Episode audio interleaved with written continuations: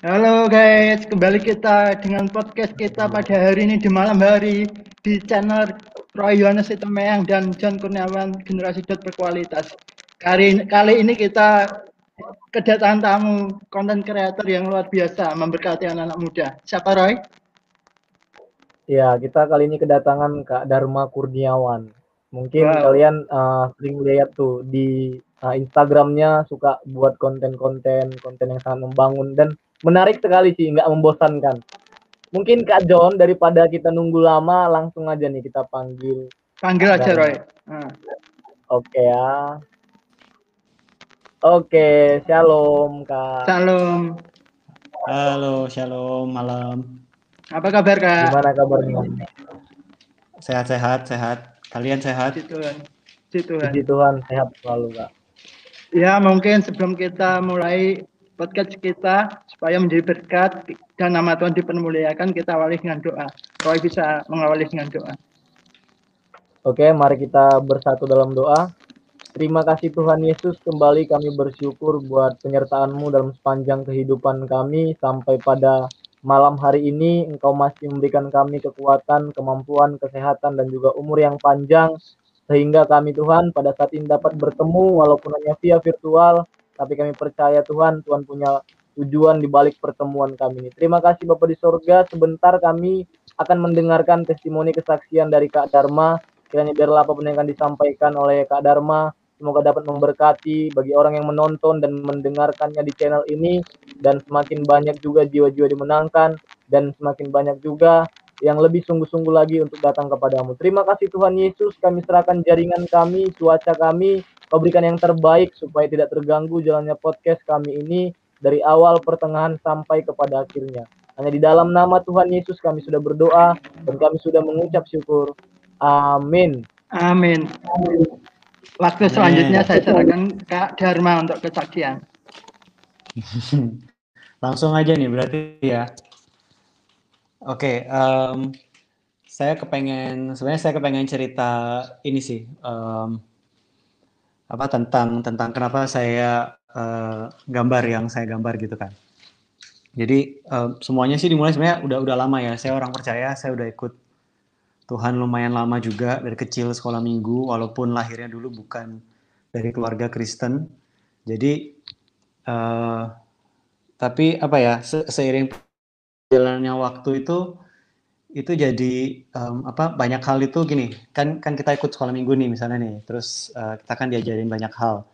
Terus habis itu eh, sekolah minggu terus ikut eh, youth terus habis itu eh, kuliah terus ikut eh, ada lagi tuh ke pe- apa pemuda gitu di kuliah. Habis itu ikut profesional muda habis itu udah kerja mulai eh, transisi kan dari kuliah udah mulai kerja tuh di profesional muda udah mulai transisi. Terus habis itu eh, pindah-pindah kota gitu. Jadi sempat ketemu kenalan sama banyak banyak apa orang-orang percaya lain komunitas di kota beda-beda gitu. Terus eh, ya sempat pindah beberapa kali juga di beberapa gereja juga. Eh, maksudnya nyari kenapa yang eh, maksudnya apa yang apa yang cocok gitu. Terus ngelihat em, apa namanya eh, ya itu perjalanan lah perjalanan spiritual gitu loh. Nah jadi eh, selama selama selama saya eh, ngejalanin ini agak aneh ini kayak ngomong sendiri ya. Eh, apa selama saya ngejalanin em, ini tuh eh, ada banyak hal itu kan kan kalau kita ikut eh, di di komunitas gereja tertentu gitu kan ada pengajarannya nih. Ada pengajarannya. Nah pengajarannya itu kan kadang jadi kita buat kita apa ya oh ya kita ikutin gitu. Karena kita di sini kita dimuridin di sini. Terus habis itu em, apa namanya eh, ya kita ngikutin aja tuh. Jadi kalau misalnya baru masuk kan oh ya ada ada inilah pengenalan lah ada dasar-dasarnya dulu gitu. Ikut kelas segala macam. Saya jalanin semua itulah. Terus eh, di bawah kepemimpinan juga saya ikutin eh, eh, apa apa yang diajarin sama eh, senior pastornya terus ada kelompok sel segala macam saya jalanin itu semua gitu. Dan buat saya ketika ngejalanin itu semua itu itu kayak sebuah perjalanan gitu ya. Jadi uh, yang saya rasa sekarang nih setelah saya ngejalanin banyak terus saya lihat refleksi juga ke diri sendiri uh, uh, saya saya bisa bilang sih maksudnya yang yang saya jalanin itu uh, apa ya um, enggak uh, enggak bukannya kayak uh, misalnya nih satu saya saya saya uh, belajar banyak metode misalnya saya praktekin juga gitu tapi pada akhirnya yang saya sadarin adalah um, gimana saya menemukan Tuhan sendiri gitu. Bukan bukan lewat uh, semua ajaran dan metode dan apa pun yang ada di luar sana gitu. Dan jadi ketika saya mulai menyadari akan hal itu, saya masuk uh, ke satu perjalanan yang yang baru gitu. Jadi uh, apa ya yang yang lebih yang lebih bebas yang lebih membebaskan saya saya baru benar-benar ngerasain oh waktu Tuhan bilang dia kasih saya freedom itu saya benar-benar ngalamin itu gitu loh nggak cuman bebas. Kan biasanya kita kalau kalau ngomong bebas kan oh ya bebas. Kamu kan nggak boleh bebas tapi nggak boleh sebebas bebasnya. Bebas ada aturannya gitu. Tetap berhikmat. Terus apa terus apa terus ikut uh, kita ingat lagi apa yang pernah dibala, uh, diajarin, apa yang pernah di ini kita lihat kita ingat lagi ayat-ayat Alkitab apa yang jadi dasar untuk pengajaran tertentu gitu. Jadi tapi ketika saya nemuin Tuhan itu itu ada sebuah kebebasan yang itu nggak bisa di nggak bisa jelasin gitu, maksudnya nggak bisa jelasin dengan oh ya metode A untuk saya uh, ini yang saya nemuin bebas. Bahkan yang saya rasain malah justru kebanyakan uh, apa yang diajarkan ke saya dulu itu gitu. Itu malah uh, buat saya nggak terlalu bebas sebenarnya. Buat benar-benar ngejar buat benar-benar ngejar Tuhan. Jadi um,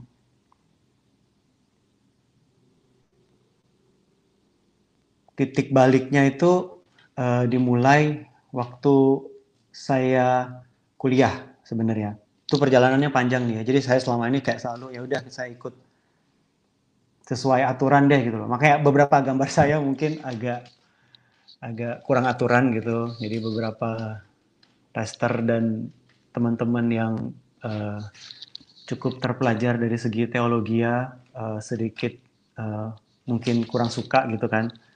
Cuman uh, ketika saya kuliah itu berjalannya kan dimulai nih. Jadi uh, waktu itu apa ya? Uh, lagi zamannya itu saya di Surabaya kuliah. Saya kuliah desain waktu itu jadi di saat uh, saya pelayanan di sebuah gereja juga, saya dimulakan di situ juga. Saya jadi ketua sel, saya jadi tim doa. Hmm, saya jadi tim doa. Uh, nggak ada tampang. Terus uh, tapi sampai satu kali waktu itu saya belajar uh, satu satu apa ya satu hikmah tuh kayak gini waktu itu ini masalah itu ya jadi di tengah uh, simple aja maksudnya di tengah kita harus tunduk sama pemimpin tapi di saat yang bersamaan uh, kita juga menentang pemimpin lain yang lebih tinggi gitu. Jadi waktu itu konteksnya adalah dari segi uh, uh, pemerintahan lah, legalitas lah istilahnya. Jadi waktu itu saya lagi ngerenungin, oh iya ya berarti kita harus ikut aturan juga dong gitu kan. Atau kita mesti uh, gimana gitu. Jadi waktu itu mikirin tentang, oh waktu saya kuliah saya pakai program bajakan. Waktu uh, saya keluar naik motor di sekitar kampus saya nggak pernah pakai helm gitu. Terus saya reflect ke diri saya sendiri uh, apa ini benar ya karena ngerasa ada sesuatu yang salah gitu kan habis itu ketika uh, pelayanan bareng teman-teman waktu itu di komunitas di gereja uh, ya semua juga kayak gitu ya keliling doa keliling gitu yang nggak ada yang pakai helm gitu tapi saya ngerasa ada sesuatu yang apa ya, ini bagian dari perjalanannya gitu kan.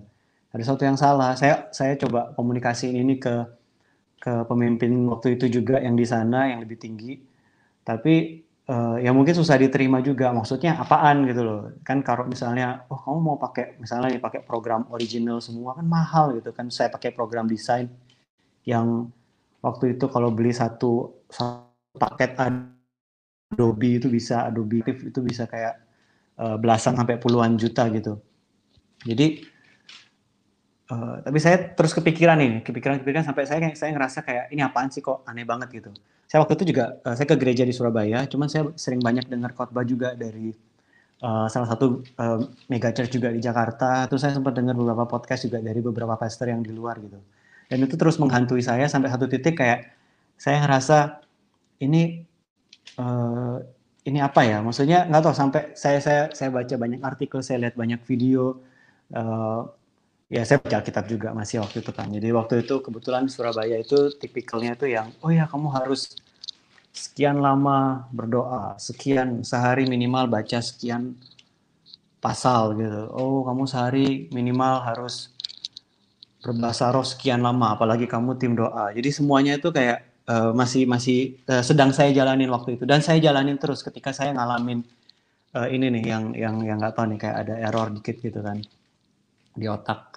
Jadi uh, ketika saya jalanin itu lama-lama kayak saya mikir uh, beberapa hal gitu yang yang dianggap kontroversi kok uh, tapi sebenarnya masih bisa dipertanyakan gitu. Jadi entah kenapa juga waktu itu terus saya dapat dorongan gitu oh ya udah uh, saya dari dulu emang kepengen saya anak desain gitu kan. Saya anak seni saya punya banyak teman banget uh, banyak banget teman-teman mereka seniman gitu. Jadi uh, dan saya dari dulu tuh kepengen banget tindik gitu kan di telinga kan. Saya kepengen pakai anting. Cuman nggak pernah kesampaian karena setiap kali saya ngomong di gereja kayak oh ya nanti kamu dicap inilah itulah nggak boleh lah dosa lah budak lah apalah apalah apalah. Dia kayak nggak pernah kesampaian. Nah itu kok kayaknya momentumnya pas banget gitu kan. Jadi saya mutusin tuh kayak jeder, saya tindik di telinga gitu kan. Nggak kepalang juga nggak cuma satu, saya langsung bikin tiga gitu. Jadi, nah waktu itu udah langsung diajak pertemuan, wah dibilangin ini, dibilangin itu, dilemparin ayat Alkitab ini, itu, ini, itu, kenapa enggak, apalah, budak lah, apalah, apalah, bait suci lah, segala macem.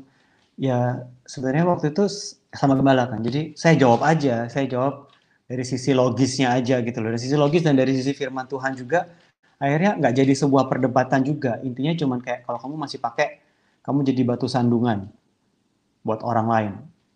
Terus argumen saya waktu itu cuman ya kalau ini nggak salah kenapa ini bisa menyandung orang bukannya seharusnya orang yang yang nggak ngerti itu yang dikasih pengertian supaya dia nggak tersandung sama hal-hal yang nggak penting kayak gini yang mereka kok malah jadi tersandung gitu kan akhirnya uh, saya mutusin dia ditanya, kamu kalau mau tetap pelayanan di sini, kamu uh, mesti copot. Kalau enggak, ya udah kita lihat nanti. Terus uh, saya dikasih waktu tuh buat mikir. Akhirnya saya bilang, enggak deh, saya nggak mau copot. Oh, apa? Nah, itu waktu itu ngeributin banyak hal juga. Oh ya kayak gereja misalnya. Kalau misalnya jadi batu sandungan, itu saya ngeributin soal soal berpakaian lah, apalah. Saya waktu dari dulu saya suka pakai celana pendek kan. Jadi Uh, dan waktu itu juga saat bersamaan kayak, aduh saya ngapain pergi hari Minggu celana panjang, celana pendek aja gitu. Terus bilangin juga, kamu pakai celana pendek. Terus itu saya juga bilang kayak, ya saya pakai celana pendek tapi saya pakai sepatu. Itu yang pakai celana panjang tapi dia pakai sendal. Itu gimana? Jadi yang paling benar yang mana? Jadi ya beberapa hal kayak gitulah. Simple gitu. Ya soal helm saya sempat ngomongin juga. Cuman nggak ada ujungnya nggak ada nggak ada titik kesimpulan. Nah, akhirnya kejadian itu, akhirnya saya mutusin nggak nggak eh, nggak buat copot. Akhirnya saya di off dari pelayanan semua uh, ya, di ban, istilahnya di blacklist gitu. Saya ditendang keluar, dibuang, nggak pernah dikontak lagi, istilahnya. Beberapa teman yang deket aja masih kadang komunikasi. Tapi buat saya waktu itu saya cukup terpukul banget gitu. Saya sempat mikir apa ini benar, apa ini salah, ini gimana, ini ini kok gini, ini kok gitu. Misalnya saya mempertanyakan Tuhan juga gimana, gimana. Tapi ya udah saya jalanin aja gitu. Dan saat itu tuh sebenarnya saya juga lagi masa uh, kuliah ngerjain tugas akhir kan. Dan tugas akhir saya tugas akhir saya waktu itu saya bikin film dokumenter tentang uh, street art street art culture. Jadi gimana street art culture uh, masuk ke Surabaya gitu. Jadi saya bikin film itu saya ke Jakarta saya ketemu banyak street art street artist yang di Jakarta yang sekarang beberapa udah lumayan terkenal terkenal tuh. Saya uh, sempat filmin mereka dulu kan. Dan uh, metode riset yang saya pakai waktu itu pun juga dengan saya terjun langsung ke lapangan. Jadi saya terlibat di uh, saya bergabung di salah satu kru juga di Surabaya. Jadi kadang kita keluar malam-malam kita uh, vandalisme ya waktu itu ya. Jadi itu tahun 2000 berapa ya? Udah lama banget ya. Sekarang udah nggak ada lagi gambarnya. Uh, kita ke mana ke mana kita bikin ini itu ngumpul semua tuh sama anak-anak yang sering di jalan gitu yang eh, nggak uh, cuma di jalan ya ada beberapa dari mereka juga kayak dari broken home mereka nggak cuma ke jalan buat kayak dari rumah gitu keluar malam nggak mereka juga tinggal di jalan mereka minum mereka pakai obat juga ya kenal kenal aja kenal jadi temenan dan uh, saya bikin film dokumenter jadi waktu itu apa yang saya ngerasa apa yang saya lakuin juga ya saya mau jadi bagian dari mereka. Saya pengen ngerti culture mereka juga ketika saya jalanin ini gitu. Dan ya udah saya jalanin aja. Sempat terpukul kenapa saya uh, istilahnya kayak dibuang juga dari gereja waktu itu kan. Tapi saya jalanin. Ya ada beberapa teman lama yang udah senior uh, ngerangkul saya lagi. Terus akhirnya dari sana saya baru pindah masuk ke profesional muda. Dan itu ya beberapa hal inilah apa uh, masih dalam perenungan gitu. Jadi nggak cuman nggak cuman apa ya gimana kamu balik ke sebuah uh, gereja yang established dengan culture-nya dengan pengajarannya ini itu ini itu. Tapi saya kembali dengan saya tetap pakai anting saya di tengah orang-orang yang yang enggak gitu. Dan itu um, untuk saya tetap ngerasa aman dan merasa diterima dan apa itu butuh itu tahunan banget gitu. Untuk saya selalu ada kayak apa kayak uh, maksudnya saya, saya skeptis gitu. Kalau oh ini bakal diterima. Oh ini bakal uh, apa mereka bakal fine fine aja dengan dengan dengan saya yang kayak gini gitu. Yang masih muda kan masih agak labil soal penampilan. Tapi lama kelamaan uh, makan waktu yang lama gitu saya ngerasa cukup nyaman dengan apa yang saya pakai gitu. Dan saya merasa kayak nggak ada lagi tuduhan-tuduhan yang yang seolah-olah kayak mengintimidasi ini gitu. Jadi ya itu itu awal mula perjalanannya ya. Dan dari sana uh, habis selesai apa habis selesai saya kuliah saya sempat ke Bali juga gitu. Saya pulang saya kuliah di Surabaya terus saya pulang ke Bali. Saya sempat bantu bisnis orang tua juga waktu itu. Dan um, apa ya waktu itu bisnis bisnis keluarga sendiri bisnis makanan. Habis itu uh, saya udah uh, hubungan juga sama istri saya. Uh, waktu itu masih pacaran kan di Surabaya. Jadi saya sering bolak balik lah kadang teleponan lah. Dan sampai satu uh, titik saya juga sempat um, apa uh, orang tua saya kirim saya ke keluar waktu itu ke Singapura buat cari kerjaan kan. Jadi saya di sana tiga bulan. Uh, ada saudara di situ, terus saya kenalan sama komunitas Indonesia di situ juga, buka wawasan juga, ngelihat orang baru, ngelihat budaya baru, ngelihat gereja baru dengan budaya mereka juga yang baru, yang beda kan. Ini tuh di sekitar uh, sekitar di, uh, di sekitar tahun 2006 2007. Nah, dari sana besok saya pulang, Uh, saya pulang, saya sempat kerja juga di Surabaya. Saya sempat ngerjain beberapa hal juga. Saya sempat part time di sebuah perusahaan Kristen uh, advertising waktu itu. Terus saya sempat uh, apa freelance juga. Jadi mulai meniti dari bawah lagi dari nol kan di Surabaya. Um, sampai kita planning buat merit sampai tahun 2008 waktu itu. Jadi kita dan saya kembali lagi ke ke, ke komunitas gereja yang itu yang uh, yang saya dirangkul lagi itu ke profesional ke apa komunitas profesional mudanya ya. Nah uh, setelah saya merit, nah saya diberkati di situ juga. Setelah saya merit, saya sama istri pindah ke Bali dan kita gabung ke komunitas kerja yang sama yang punya Jepang di Bali. Eh tapi terus di tengah uh, waktu saya baru pindah itu ya ya itulah. Nah ini masalah beda lagi kan. Ya tidak cocokan dan segala macam dan nggak cuma tidak cocokan aja waktu itu.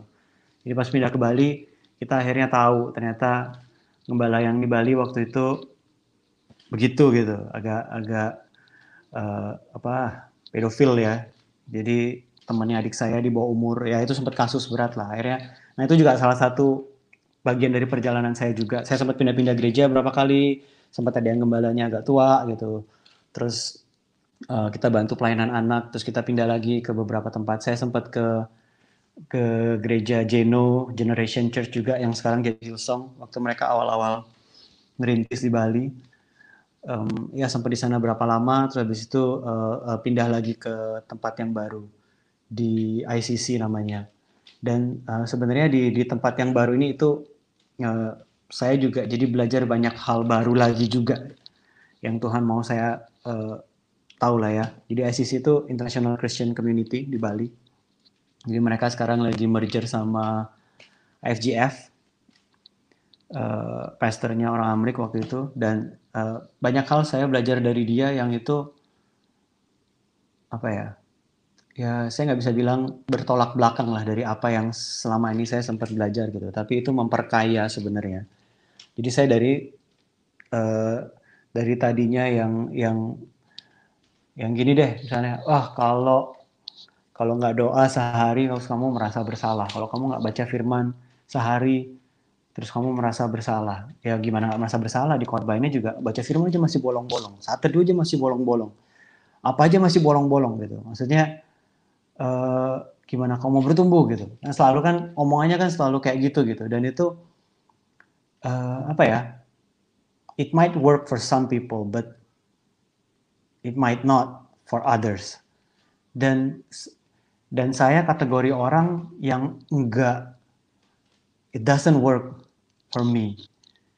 Saya coba itu dan saya malah jadi struggle dan saya jadi malah merasa bersalah ini itu segala macam uh, apa ya saya coba untuk tiap hari saya coba untuk uh, mendisiplin diri saya tiap hari gitu ngelakuin apa itu. Sudah ada tuh biasanya kan schedule-nya segala macam cuma buat saya kayak ada sesuatu yang yang yang aneh sama diri saya gitu.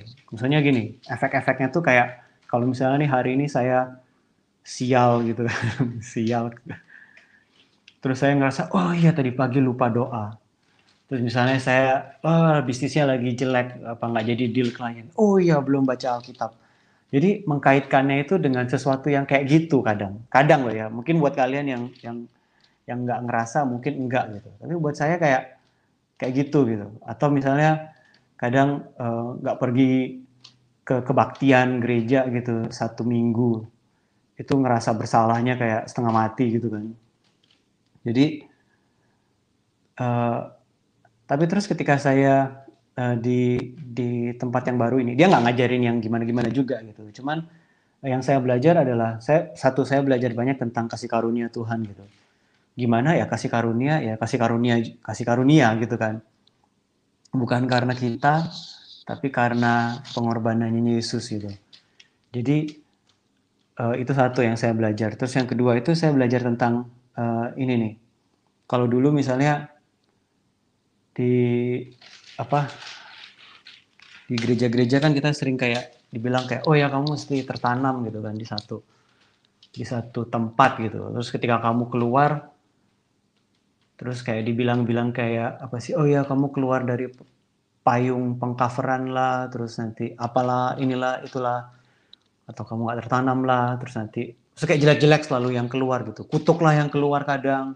Terus orangnya udah keluar dari gereja misalnya kena malah petaka terus saya pasti pendetanya ah itu gara-gara keluar dari gereja kita.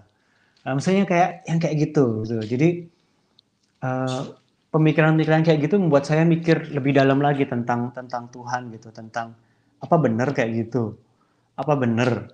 Maksudnya apa benar saya ngerasa kayak gini atau saya yang salah gini? Atau sebenarnya uh, Tuhan jauh lebih gede lagi daripada ini gitu loh apa benar semua metode yang diterapkan di gereja A itu yang paling benar, tapi ketika di gereja B, di komunitas gereja B, terus uh, beda dikit, terus uh, ini jadi kayak seolah-olah gimana nih yang paling benar nih gitu kan? Semua bilang mereka yang paling benar. Metodenya seolah-olah uh, satu untuk semua nih. Kalau kamu gabung sini ya this is the way. Jadi uh, saya mulai mikir ke sana kan. Jadi um, apa Tuhan segini doang gitu loh? Apa apa perasaan saya bersalah ini benar apa enggak? Apa seharusnya nggak kayak gini? Atau seharusnya ada sesuatu yang lebih lagi? Kenapa waktu dibilang e, kalau nemu Tuhan gitu, kamu nemuin kebebasan, kamu nemuin kasih, kamu nemuin apa? Tapi kok saya nggak merasa kayak gitu?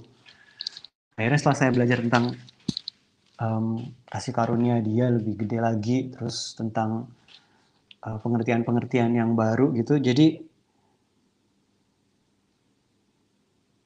apa ya?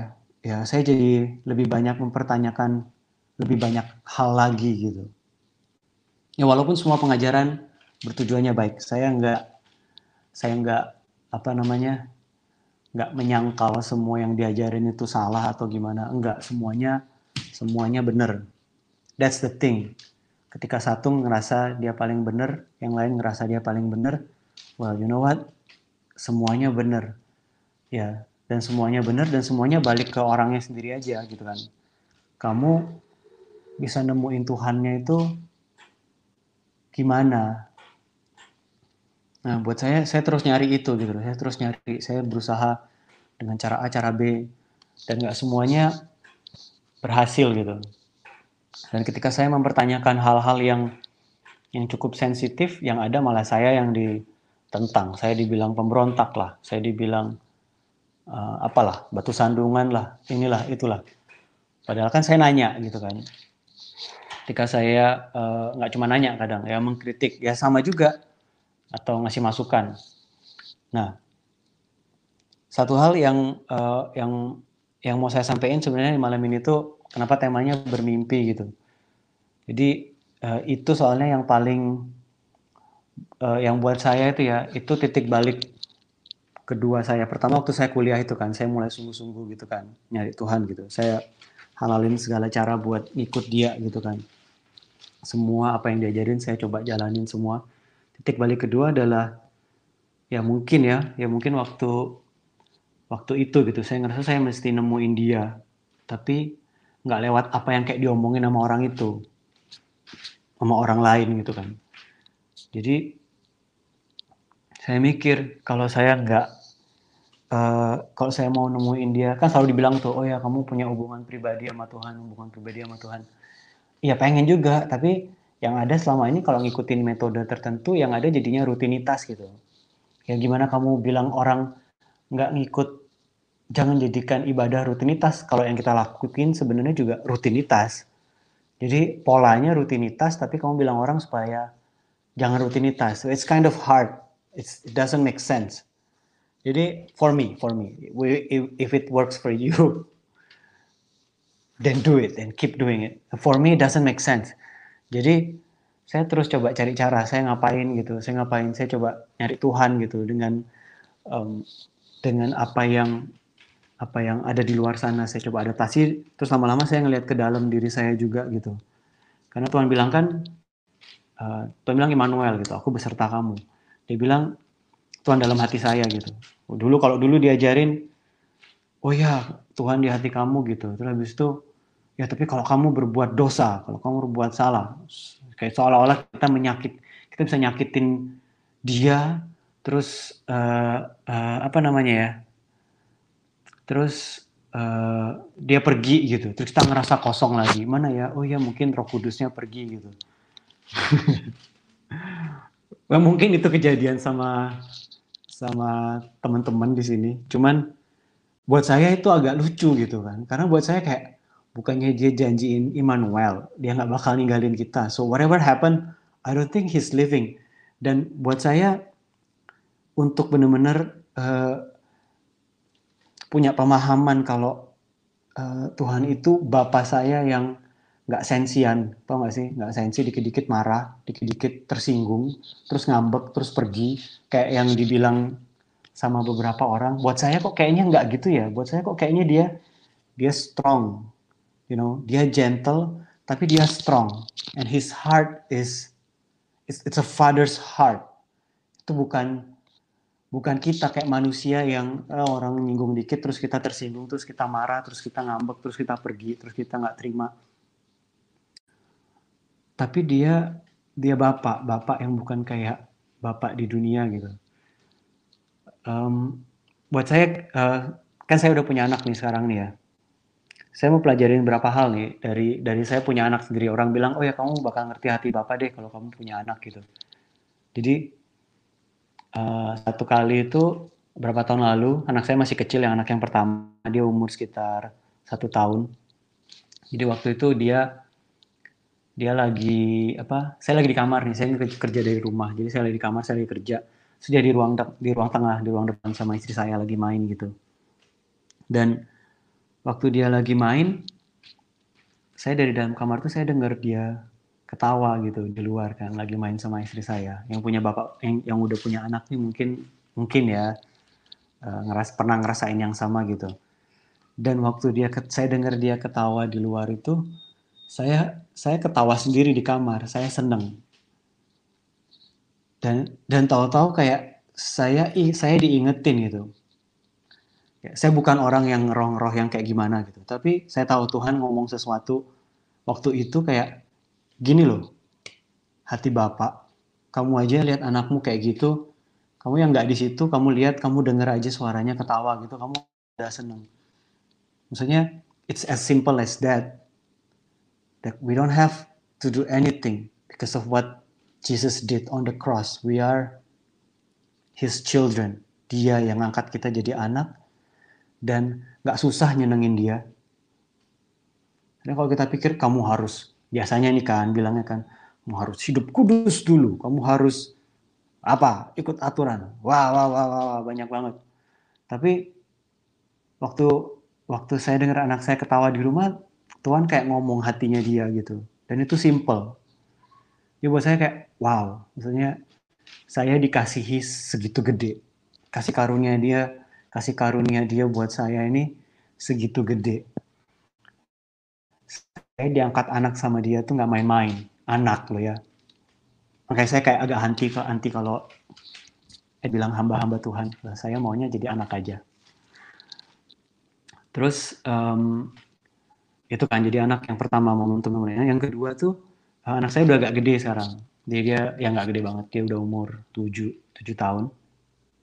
Terus biasalah kan kalau kalau anak kecil kan sama orang tua kan suka nyelan gitu kan. Atau berantem lah atau apalah ngapain lah ngapain lah gitu. Dan satu kali itu ketika ketika kita argumen nih jadi kalau saya di rumah ya memang kita kita homeschool kan. Jadi kita lumayan uh, cukup strict juga sama anak. Tapi di saat yang bersamaan kita berusaha mengasihin mereka sedemikian rupa uh, ya mereka nggak bakal dapat kasih yang sama yang kayak kita kasih itu di rumah gitu. Kita praktekin kasih itu kayak apa gitu dan kita juga kasih kebebasan mereka buat ngomong gitu. Buat ngargumen kalau dia ngerasa benar mau ngomong ya ngomong aja nggak apa-apa. Ya kita kita kita apa namanya uh, kita selesain gitu kan. Jadi satu kali dia marah nih dia marah gitu kan. Terus dia marah uh, terus dia ngomong sesuatu yang yang yang yang apa ya kayak oh ya uh, yang bermaksud untuk nyakitin saya gitu uh, yang atau ini karena saya aja mungkin yang kurang sensi atau atau tapi saat yang bersamaan saya juga ngerasa gini waktu dia ngomong gitu saya nggak sakit hati. Uh, kenapa ya? Ya maksudnya bukan saya nganggap remeh yang dia ngomongin ya, tapi tapi seolah kalau misalnya kamu main kartu gitu, kamu punya jokernya gitu, kamu punya as well. Kamu mau ngomong apa pun, I'm still your dad.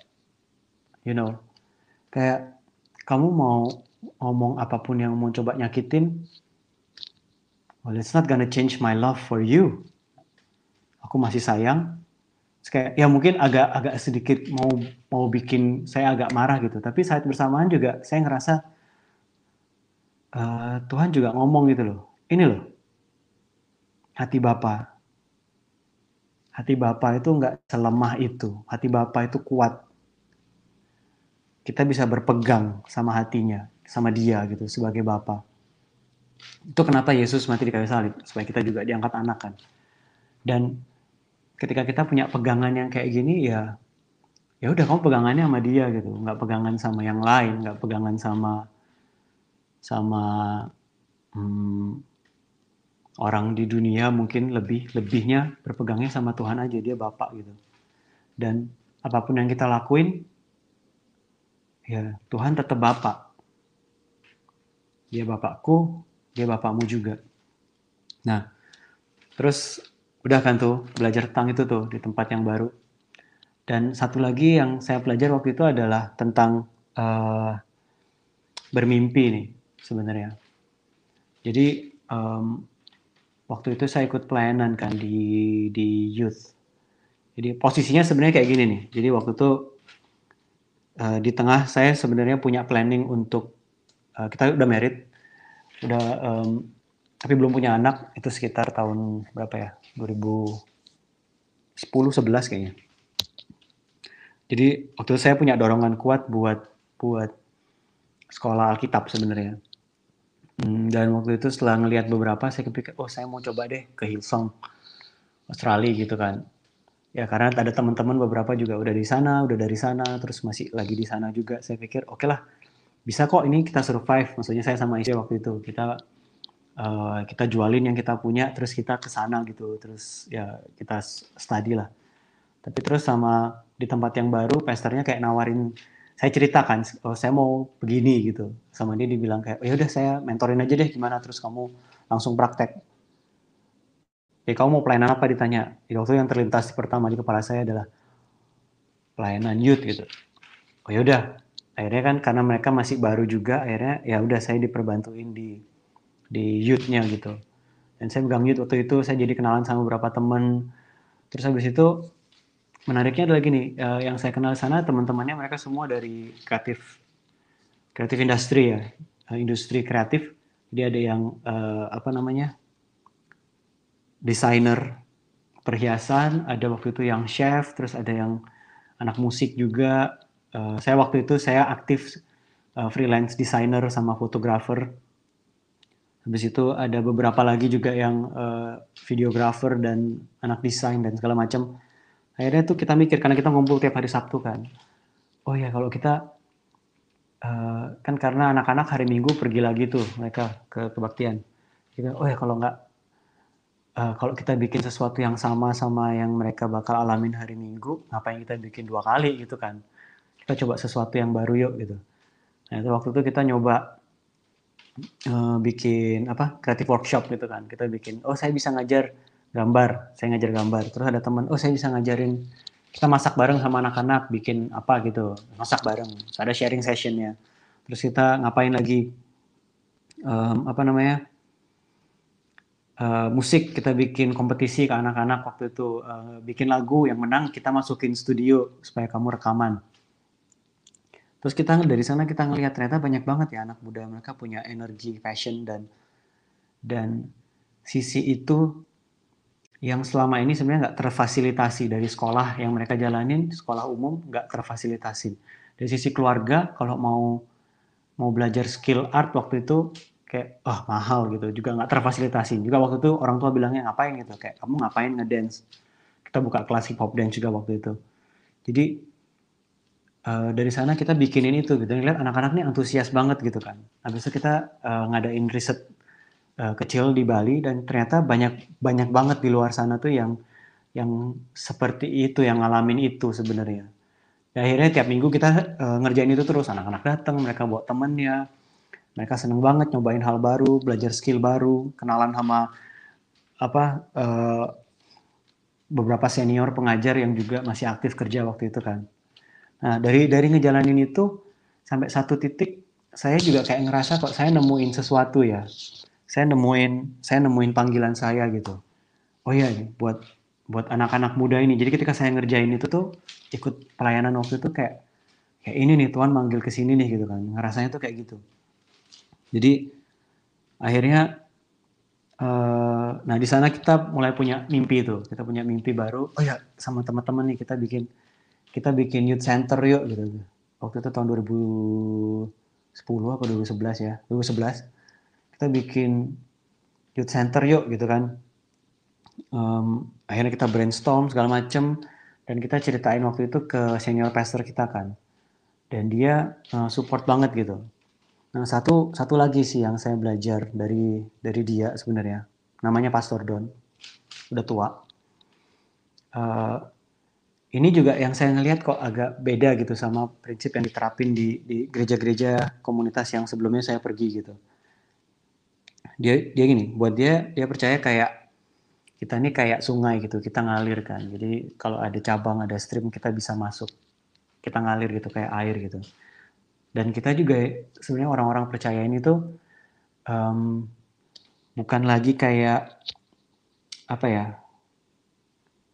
oke okay lah maksudnya bagus untuk sebuah gereja uh, institusi komunitas apa pun itu uh, punya visi misi dan you know itu ya kan?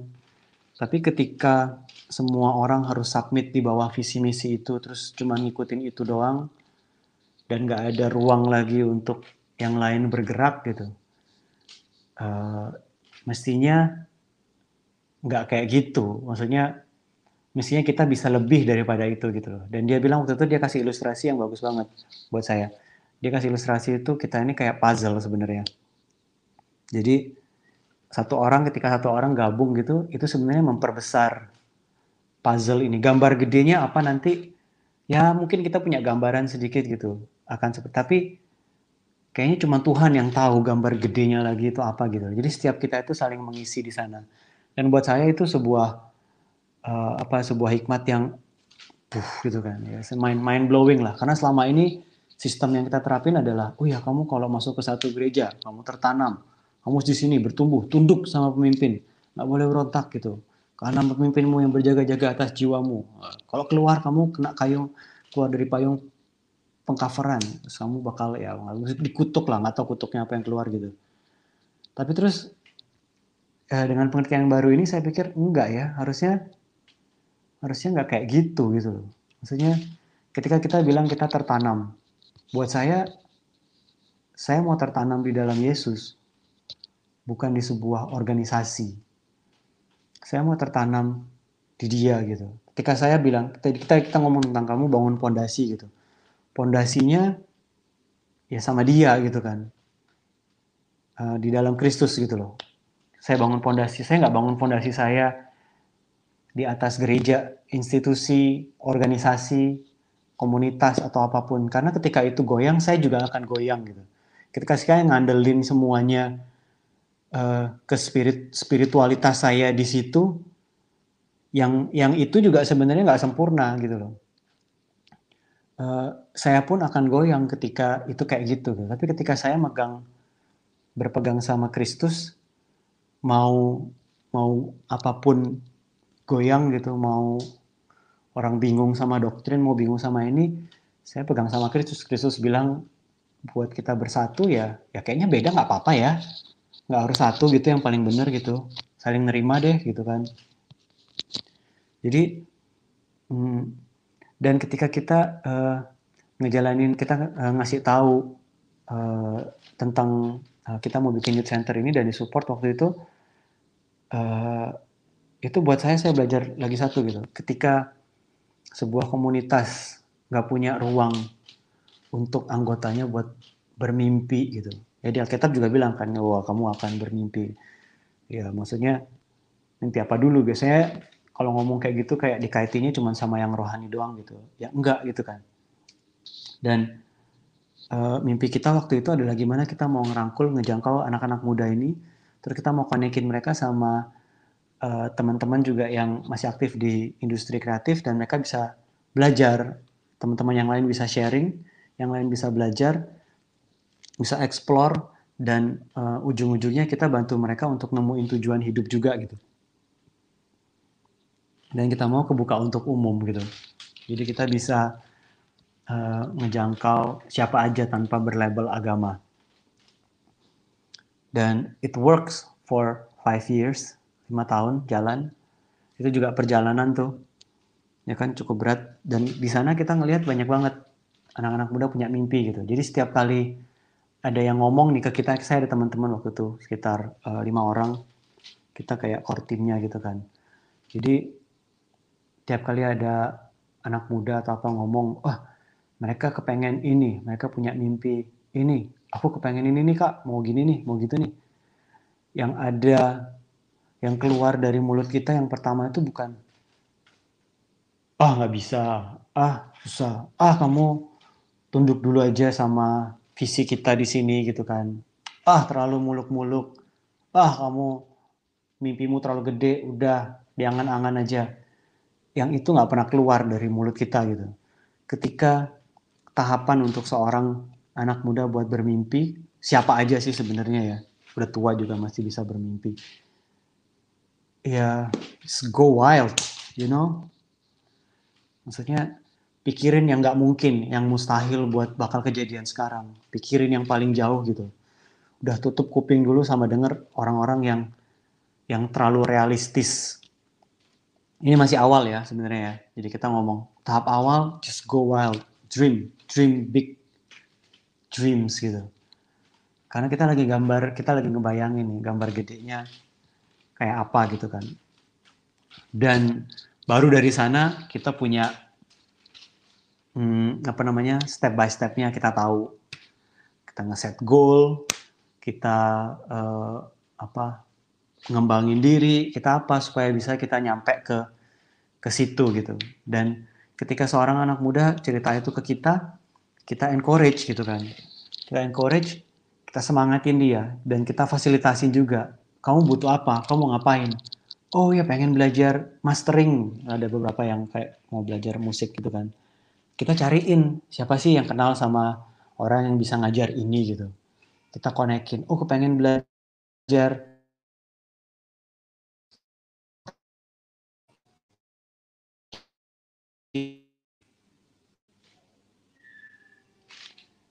um, apa kita panggilin guru dari luar kota kan di Indonesia di Jakarta di Surabaya. Oh kepengen tahu sih kalau hotel berbintang 5 itu masaknya gimana chefnya. Kita bawa mereka ke sana kasih lihat dapurnya kayak apa kenalin sama chefnya. Kita temenan sama chefnya. Jadi mereka kepengen ini itu ini itu coba ya difasilitasin gitu. Jadi buat saya saat yang bersamaan saya nemuin gitu uh, mimpi saya gitu. Tuhan kasih mimpi ini, visi ini, dan uh, saya dapat kesempatan buat ngelakuin itu. Dan saat yang bersamaan saya juga bisa bisa uh, nyebarin apa virus mimpi ini ke anak-anak muda itu gitu. Nah waktu itu um, gimana ya? Jalannya cuma lima tahun kan akhirnya karena waktu itu akhirnya support dari dari organisasi gereja akhirnya berhenti karena mereka punya proyek sendiri yang lain. Jadi akhirnya kita mutusin untuk vakum dulu karena biaya biayanya cukup gede waktu itu. Nah, cuma buat saya uh, saya terus kayak ngerenungin hal-hal yang saya udah renungin dari dulu ini gitu. Saya mempertanyakan beberapa hal spiritualitas, ngomong tentang kasih karunia, ngomong tentang mimpi, ngomong tentang hati Bapak, ngomong tentang uh, apalah tata cara, metode segala macam gitu. Jadi uh, saya jalani lagi. Eh saya pindah Jakarta. Saya sempat di Jakarta dua tahun. Terus habis itu kelar Jakarta saya sempat ke ke Medan tuh. Ke Kisaran. Dia kota kecil dari Medan. Dan di situ sebenarnya adalah saat di mana saya punya waktu untuk untuk nuangin apa yang selama ini saya udah pikirin saya renungin gitu. Saya uh, tuangin ke dalam bentuk gambar. Jadi itu di, ya, sekitar di tahun uh, pertengahan tahun 2019 dan uh, ketika saya tuangin dalam bentuk gambar ya buat saya gini kalau misalnya teman-teman lihat gambar saya di awal itu uh, saya lebih banyak kadang tuh ngomong kayak banyak keluapan hati lah gitu. Karena masih bercampur semua emosinya kan saya masih marah juga. Jadi buat saya proses saya gambar ini itu adalah healing terapi buat saya sendiri gitu. Buat saya nemuin Tuhan buat saya nemuin forgiveness buat saya nemuin uh, acceptance untuk saya juga bisa nerima orang lain ini dari awal gitu. Perjalanannya ya nggak nggak mudah gitu.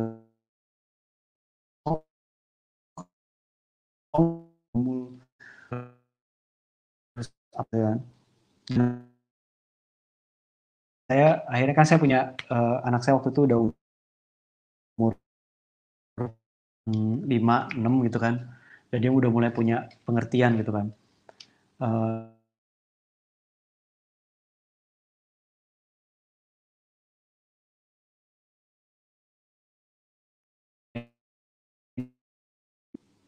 Jadi menurut jadi menurut kamu gereja itu apa gitu? Eh terus dia jawab, eh, gereja itu itu yang kita pergi ada yang nyanyi, ada ada yang khotbah lah, terus yang anak-anak pergi ke yang itu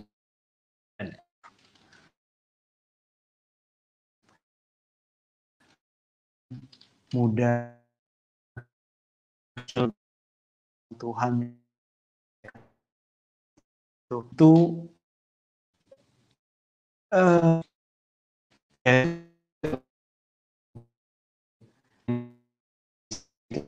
uh, saya, kita ngajarin dia lagi ulang gitu apa? Gitu kamu ya terus kayak uh, ya gitulah saya doa bang ya ini kita ngumpul segini kita bertiga ini juga. Kita bisa bilang gereja. Jadi bukan harus yang kayak gitu dengan cara yang kayak gitu aja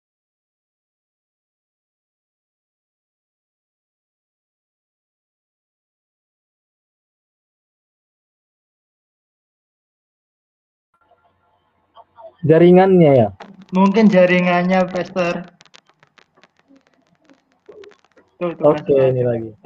Bentar bentar masih device not not connection.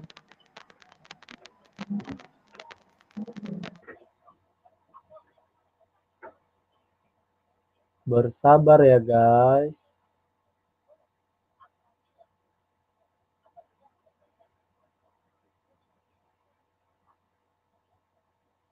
Ya. Keluar lagi.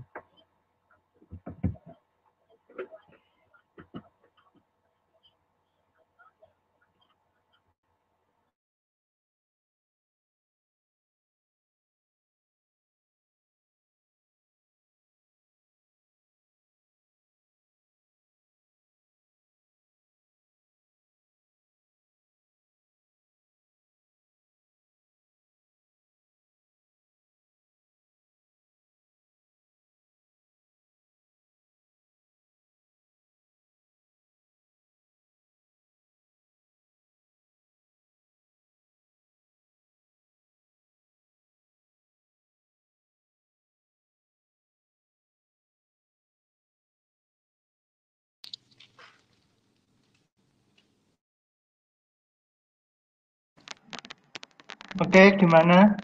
Aman? Mas bro?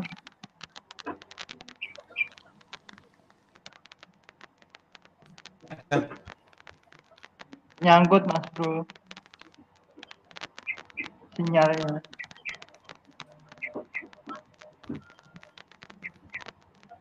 Gimana? Halo? Mas bro, nyangkut.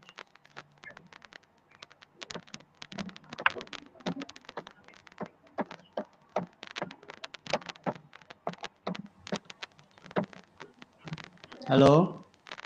Oke. Am- aman? Loh, Nge-freeze. Halo? Aman? Aman ya? Tapi masih nge-freeze kak. Ya. Dengar nggak? Ya, dengar. oke oke. Stay please. Oh,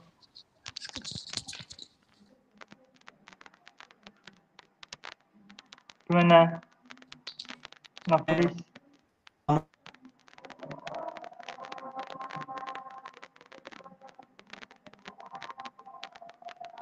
Halo. Hai. Masih nge-freeze. Nge-freeze kak. Bentar kak, tak chat kak.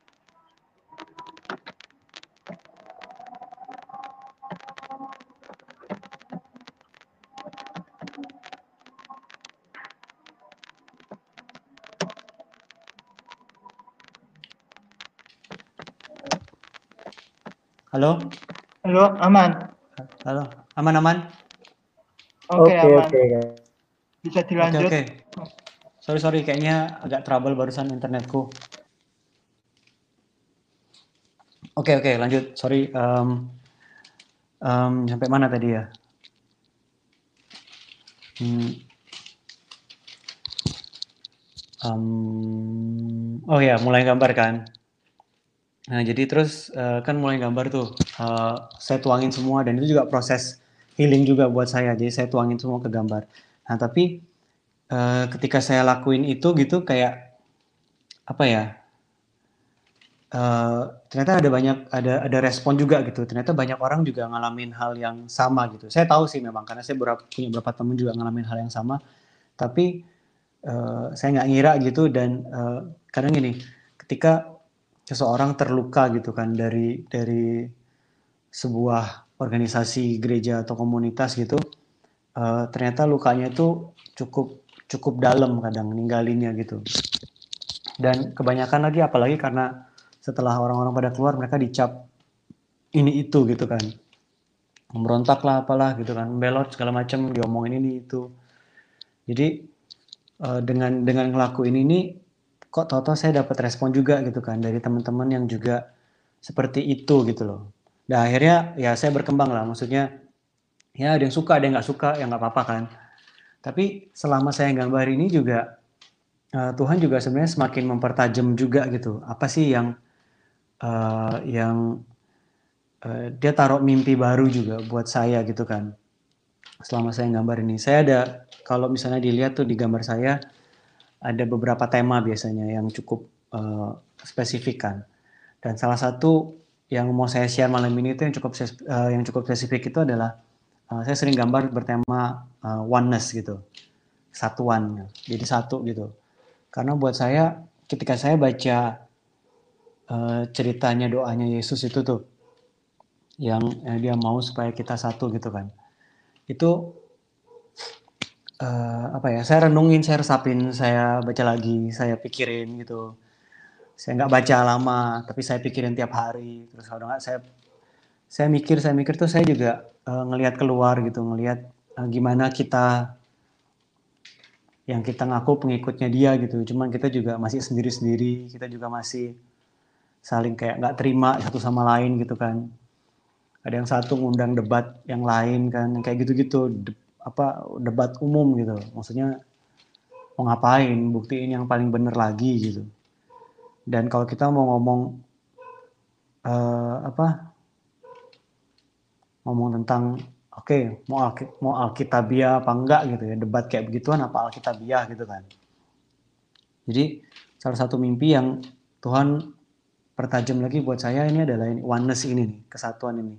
Saya juga rindu buat ngelihat kita semua ini juga bisa uh, satu, you know, uh, label apa pun yang kita bawa, yang lain bawanya apa gitu, beda-beda yang ngajar, tapi kita semua ngikut ngikut Yesus gitu kan.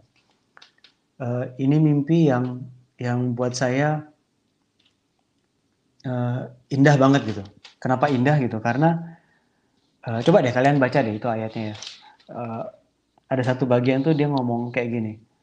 Uh, dan orang-orang itu dan orang-orang in the world dia bilang ya dunia lah kita bilang bakal ngeliat kalau kamu di dalam aku. Eh, eh kalau kalau kalau aku di dalam mereka gitu kan. Jadi Tuhan uh, pokoknya Tuhan Yesus di doanya bilang kalau dunia bakal ngelihat kalau Yesus itu nyata di dalam ini nih para pengikutnya ini kalau kamu satu uh, you know kita nggak ngomong selama ini kalau kita ngomong penginjilan kita ngomong apa semua lah itulah maksudnya. You know it. Uh, saya juga pernah ikut banyak training gitu. Sampai keluar negeri saya ikutin juga pernah gitu kan. Tapi kalau misalnya ternyata kunci yang paling gedenya nih sekarang nih, gimana supaya dunia tahu Tuhan, gimana supaya dunia kenal Tuhan gitu. Ya, ya di, di Alkitab tulis gitu kan. Ya kalau kamu satu, ya dunia bakal ngeliat. So ini jadi sebuah mimpi saya yang saya ngelihat cukup mengerikan kalau ngelihat dari kondisi sekarang, tapi juga banyak titik cerah sebenarnya. Karena dengan dengan saya jadi banyak gambar nih kan ya dibilang konten kreator atau apalah. Uh, saya jadi ada di ikut ikut di salah satu komunitas juga namanya Creator for Next Gen. Itu isinya beberapa konten kreator yang dengan latar belakang beda-beda juga gitu. Terus saya jadi kenal sama beberapa pemimpin-pemimpin anak-anak muda rata-rata ada beberapa yang senior juga tapi ini tuh semua kayak beragam gitu dan dan kita nggak berdebat kita nggak bertengkar di situ tapi kita ya gimana fokus untuk ya membawa dampak gitu kan ya buat saya itu sebuah titik cerah gitu saya senang saya bisa ngelihat itu saya bisa tergabung di situ juga gitu jadi nah, tapi saya percaya sih mimpi ini masih cukup gede nih. Jadi kalau kita ngomong tema hari ini gitu, kita mau bermimpi gitu.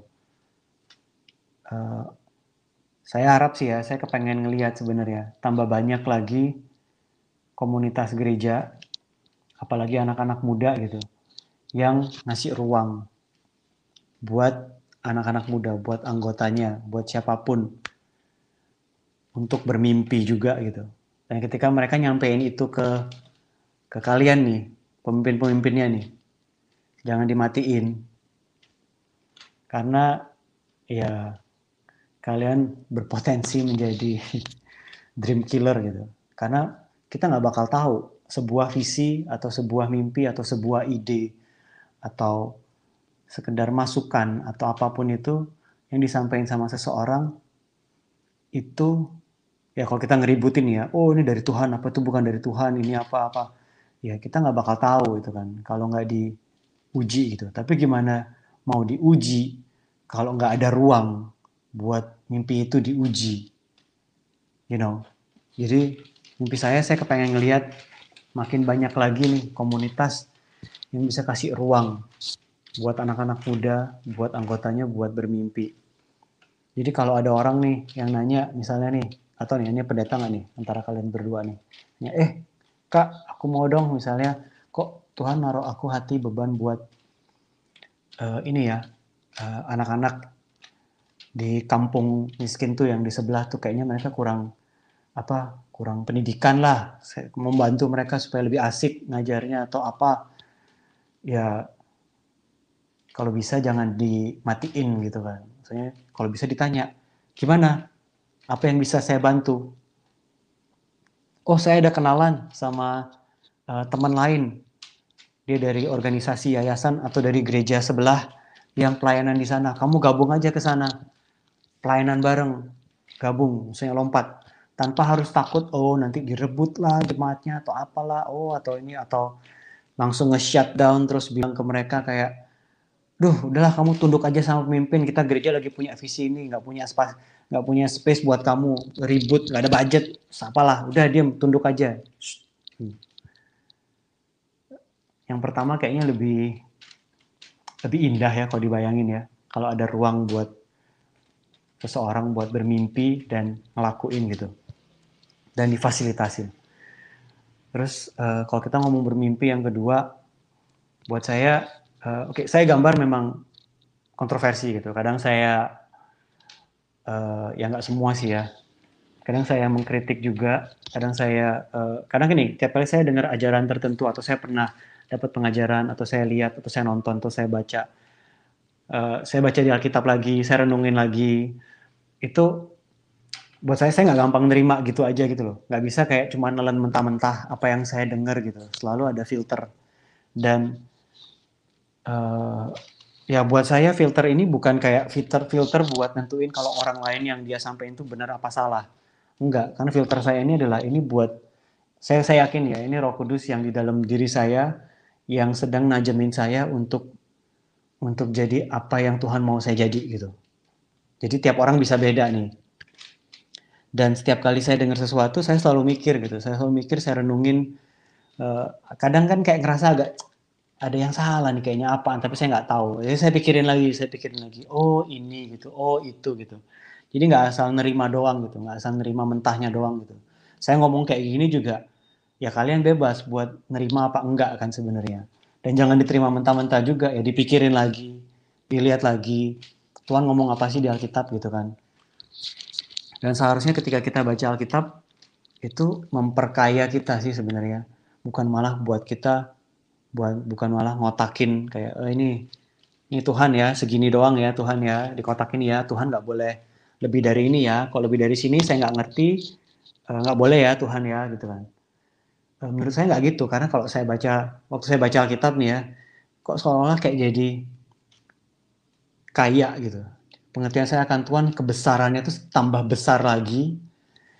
Uh, kedalamannya itu tambah dalam lagi. Kan kita sering nyanyi tuh wah dalamnya tak terselami. Sungguh indah. Apalah gitu kan. Tingginya nggak bisa digapai dalamnya nggak terselami. Tapi ketika Tuhan munculin sesuatu dari dalamnya yang nggak terselami kita nggak bisa terima kadang kan. Kan seringnya kayak gitu. Jadi Uh, memang saya kadang suka gambar beberapa hal yang agak gimana, tapi itu adalah bentuk ekspresi saya buat nyampein pesan yang saya sampai gitu. Dan uh, dengan maksud adalah supaya kita punya pengertian lebih kaya lagi gitu tentang tentang Tuhan kita karena Dia memang maha besar gitu. Jadi uh, tapi pesan saya buat buat kita semua mimpi saya yang kedua ini adalah ya kita ya ini mimpinya Tuhan sih saya cuma nebeng doang gitu mimpinya Yesus nih doanya Yesus sebenarnya supaya kita semua jadi satu gitu. Satu, saya nggak tahu maksudnya satu itu apa. Ya paling at least mungkin kita bisa mulai dengan nggak nganggap diri kita yang paling benar dari yang lain, dari anggota lain gitu, dari doktrin yang lain. Kita bisa nerima mereka. Kita kita satu kok nggak perlu takut. Maksudnya apaan sih istilah-istilah kayak rebutan jemaat lah, domba lah, apalah. Ya memang ujung-ujungnya kan selalu ngomong tentang masalah duit, manajemen duit, yang ngomong aja belak-belakan gitu kan. Tapi kalau ngomong tentang uh, apa persatuan, ya slogan-slogan kayak unity in diversity gitu. Jangan cuma jadi slogan buat keset doang terus kamu injek-injek gitu kan. Tapi gimana kita ngidupin itu gitu? Gimana kita ngidupin doa Yesus? Sampai Yesus doain, kalian tau nggak? Berarti itu bakal memang parah ya. So ya look around, lihatlah sekeliling kita. Separah apa sih kita nggak bersatunya? Apalagi lagi kayak gini nih sekarang nih. Semua orang pada ribut kok, kayaknya pecah belah. Yang A percaya A, yang B percaya B, yang A nganggap B musuh karena yang B dianggap sama A egois, membahayakan orang, saling nggak setuju. Kenapa mesti kayak gitu? Kalau yang nggak mau, nggak mau, ya udah nggak mau, ya udah biarin aja. Yang mau silakan, yang nggak mau ngeliat yang mau ya udah. Ya udah sana nggak apa-apa you know kayak ya kamu mau percaya ini pengajarannya beda dikit, ya udah nggak apa-apa. Saya agak beda ya, nggak apa-apa juga ya, gitu loh. You know, kayak dan kita masih bisa temenan, kita nggak perlu sinis, kita nggak perlu skeptis, kita nggak perlu berjaga-jaga, bangun tembok yang nggak penting antar komunitas yang lain, takut direbut, uh, takut pindah. Ya kalau mau pindah, terus dia emangnya kenapa? Atau masih satu rumah kan gede, kan satu. Jadi coba ngelihat beberapa prinsip-prinsip gimana sih gitu. Apa satu yang dibilang sama Tuhan nih bisa apa aja sih bentuknya gitu kan. Karena ya balik lagi itu mimpinya Yesus ya. Dia lihat itu pasti masih mungkin gitu. Dan dia doain juga. Dan saya kepengen um, kita semua nih, ya eh, terserah kalian sebenarnya. Uh, tapi dari saya, saya pribadi, dari gambar yang saya bikin, itu pesan yang pengen saya sampaikan gitu. Jadi makanya beberapa kali ada apa komen-komen misalnya apa gitu respon kadang message juga yang ya nggak setuju lah atau apalah ngutip dari ayat inilah atau lah ya kadang buat saya cuma ngerespon dengan oh ya udah ya kalau kamu percaya itu and it works for you. And then do it but it doesn't work for me. So I won't do it you know and I hope you're okay. Jadi ya and you're still my bro. Jadi kan saya sering kali keluarin statement kayak gitu karena ya kita bukan buat didebat gitu kita buat memperkaya kita akan Tuhan. Jadi ya itulah tentang bermimpi selesai Wow, luar biasa kesaksiannya, sharingnya. Luar biasa perjalanannya dalam Tuhan. Wow, keren sekali. Ngomong-ngomong tentang Creator for Next Gen itu, satu minggu ini kita podcast sama mereka. Oh iya. Iya, oh. ya hari Jumat ini sama Bro. Nanti malam sama Kobeni. Oh iya iya aku ada lihat tuh Kobeni. oh. Ya wow. memang saya sengaja jadwalkan satu minggu ini kita podcast sama mereka. Oh ya kalian bisa gabung juga tuh paling ntar. Sudah iya, gabung ya? Oke. Okay. Belum, belum. Kan kita baru awal mulai nih, satu bulan nih podcast ini. Ya, ini kan tadi sharingnya bro kan, Kristen itu dari kecil cuma dari keluarga yang non sih. Itu kok bisa sekolah minggu itu yang ngajak siapa sih? Halo, aman bro? Halo, iya, aman, aman. aman. Sorry, kok ya. putus-putus terus nih barusan? Ya, enggak apa-apa. Saya lanjut ya. Ya ya lanjut. Tadi tadi dari sharingnya bro itu kan Kristen dari kecil katanya, tapi dari keluarga yang non. Tapi dimulai dari sekolah minggu, ngomong-ngomong sekolah minggu yang ngajak siapa sih? Kalau boleh diserahkan. Uh, siapa waktu itu? Jadi gini, uh, waktu kecil kan keluargaku kan, uh, wah ini enak nih ada orang diajak ngomong. Tadi kayak ngomong sendiri. Jadi waktu kecil kan uh, apa uh, keluarga keluargaku bermasalah jadi broken home mamaku uh, merit lagi nah dari papa yang baru itu uh, aku ada sepupu. Jadi waktu itu dia memang dia uh, orang percaya kan. Jadi dia lagi main liburan tuh ke Bali. Jadi akhirnya kita dia ngajakin eh ke sini yuk. Diajakin mama waktu itu ke ke apa ke gereja mana gitu. Dan akhirnya pergi sekali. Eh terus anak-anak diajak tuh. Akhirnya kita ajak. Jadi kayak waktu itu ya kasual aja. Jadi ya udah pergi ya udah pergi tiap minggu. Oh ya mulai sekarang kita di sini. Jadi ya ini tuh ada teman main lah kenalan orang baru gitu. Gabung komunitas baru masih kecil waktu itu sepupu sepupu. Oh melalui sepupu ya. Uh, ini hmm. saya mau bertanya lagi sih. Pertama kali hmm. bro menggambar dalam konten rohani itu kapan sih? Gambar yang sekarang di IG ini ya? Iya, itu uh, itu pertengahan ya nggak pertengahan lah, ya hampir pertengahan uh, 2019. Bisa disandingkan ulang motivasi tujuannya uh, kenapa kok kok bikin konten rohani itu melalui gambar? Jadi uh, yang paling pertama itu ada ada dorongan kan.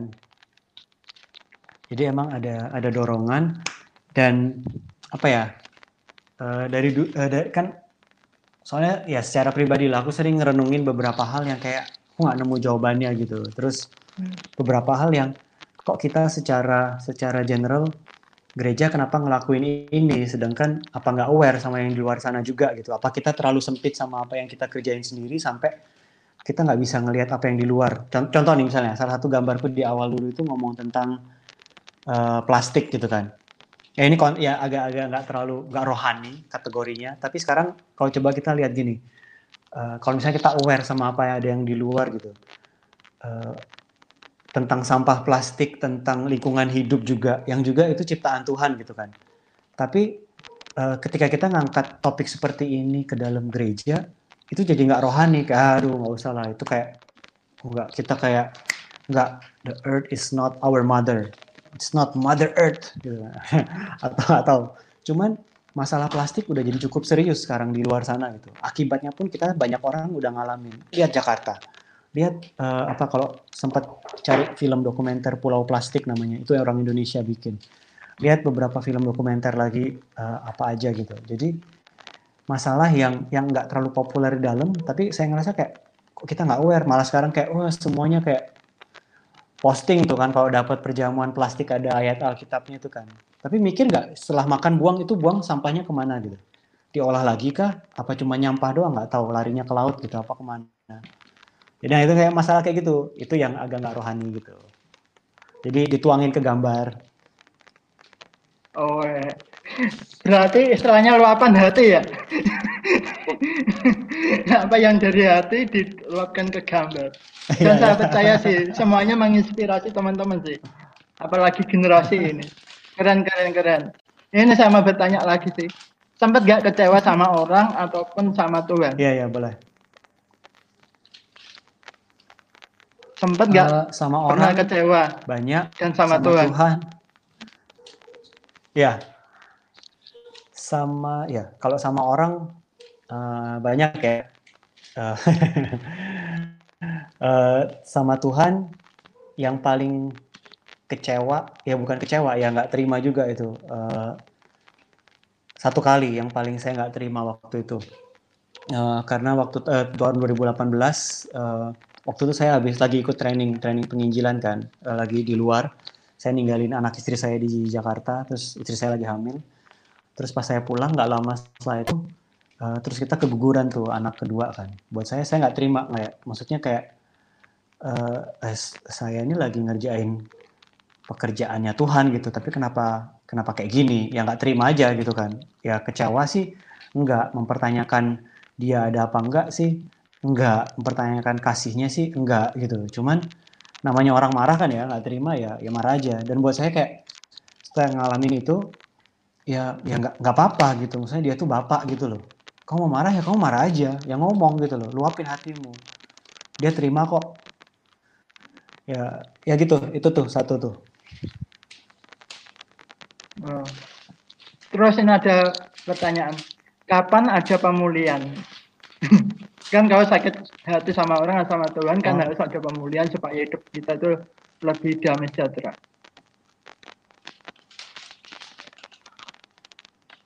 Hmm.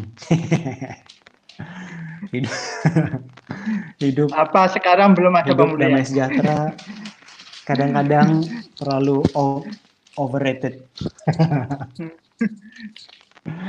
uh, jadi gini kalau pemulihan uh, bertahap ya jadi uh, buat saya sampai sekarang uh, nggak kalau saya pikir lagi nih, saya ngerendungin, saya masih ada nggak marah sama orang atau apa? Uh, nggak tahu ya, nggak kepikir sih ya. Mungkin ada satu dua saya yang agak eh, gimana sih ini orang gitu kan. Tapi kayak ada rasa pahit, kecewa atau apa itu untuk beberapa orang yang secara spesifik dulu nyakitin, yang mengecewakan saya secara pribadi, kayaknya udah enggak ya gitu ya. Maksudnya kalau kita ngomong pertumbuhan spiritual gitu kan, yang pemimpin rohani gitu, yang lama-lama, ya ya ini secara saya juga uh, ngerasa untuk bertumbuh dari segi oh ya kita masih jadi satu nih gitu kan. Ya secara nggak secara secara itu juga ya saya mau nggak mau nerima dong. Maksudnya dulu dia ngajarin saya ini tapi itu nggak cocok tapi dia maksain tapi terus gini gitu. Tapi juga ada orang yang bertumbuh juga dari yang metode yang diajarin. Jadi dia juga nggak salah gitu kan. Jadi istilahnya apa saya masih akan terus nggak terima gitu atau saya masih akan terus kecewa dan marah ya mungkin nggak juga ya jadi ya sampai sekarang sih masih sih ya lewat gambar ini juga sebenarnya proses pemulihan juga masih art terapi Weh. Termasuk gambar ini yang satu ini dituangkan untuk pemulihan, ya, proses pemulihan. Mungkin juga nanti kalau ada teman-teman yang melihat bisa mengalami pemulihan melalui gambar-gambarnya Mas Bro. Nah, mungkin ada motivasi dari Mas Bro untuk teman-teman yang menonton ini, Ya, ya. mungkin ada mereka yang merasa oh eh menjauh dari komunitas Gimana? ataupun ini mungkin ada Hmm. motivasi dari Mas Bro untuk teman-teman yang menonton yang mungkin menjauhi komunitas atau menjauhi teman-teman karena malu akan keadaannya yang sekarang yang buruk, keadaan keluarganya yang sekarang yang buruk, ataupun mereka merasa ya kecewa karena merasa dibully gitu sama teman-temannya sehingga mereka itu menjauh dari komunitas atau menjauh dari teman-teman mereka. Mungkin dari Mas Bro ada motivasi bagi teman-teman yang mengalami krisis ini. Terima kasih. Hmm, hmm. Oke, jadi gini ya. Em, salah satu ini kan saya nyadar nih kalau saya gambar tentang sesuatu itu eh, kadang ada maksud tertentu gitu. Dan salah satu yang saya suka gambar tuh kadang tuh saya mau ngasih maksud kayak gini. Jadi kayak eh, Tuhan itu nggak cuman ada di dalam. Kalau kita ngomong tentang komunitas, kita ngomong tentang gereja, institusi, organisasi, sebuah bangunan, sebuah gedung, establishment, yayasan atau apa pun itu gitu kan. Jadi eh, putus-putus ya? Apa enggak ya? Putus-putus nggak? Lanjut, lanjut. Lanjut. Aman, aman. Jadi aman. salah satu pesan yang kita sampaikan adalah eh, Tuhan lebih gede dari itu gitu loh. Jadi eh, Tuhan ada nggak di luar tembok bangunan gereja? Ada, ada banget gitu. Dia ada di jalan. Dan dia menurut saya sih dia lebih banyak di jalan gitu daripada di dalam gitu kan. Karena kan kalau gedung gereja cuma dipakai seminggu sekali. mungkin dua kali. Kalau sekarang mungkin lebih jarang lagi. Eh, jadi gini, em, ada satu kali itu saya dapat message gitu kan eh, apa DM dari satu dari satu orang terus dia cuman bilang gini gitu eh, bang waktunya waktu ngelihat gambarmu kok aku jadi nangis ya? Maksudnya eh, aku udah lama nggak Tuhan Tuhanan tapi kok aku ngerasa Tuhan itu deket gitu. Eh, gini aku eh, saya gambar secara pribadi em, buat saya itu orang-orang yang saya pengen ngomong gitu loh kalau kamu udah ngerasa aman, nyaman, udah nemuin jalanmu gitu, ketika kamu ngelihat gambar gambar saya, terus kamu merasa tersinggung atau apa-apa-apa, ya mungkin wajar gitu. Tapi saya saya banyak ngomong, saya kepengen ngomong sama ini nih, generasi yang dibuang, generasi yang tertolak, generasi yang yang nggak dikasih ruang di dalam untuk mereka bertumbuh ataupun bermimpi, mereka yang yang yang apa ya ya udah didiemin eh, dia disuruh diam aja dan tunduk dan cuman itu doang.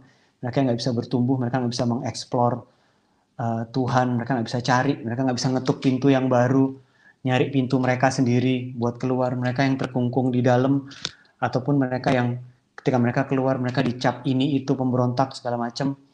Itu yang itu jadi eh, orang Mas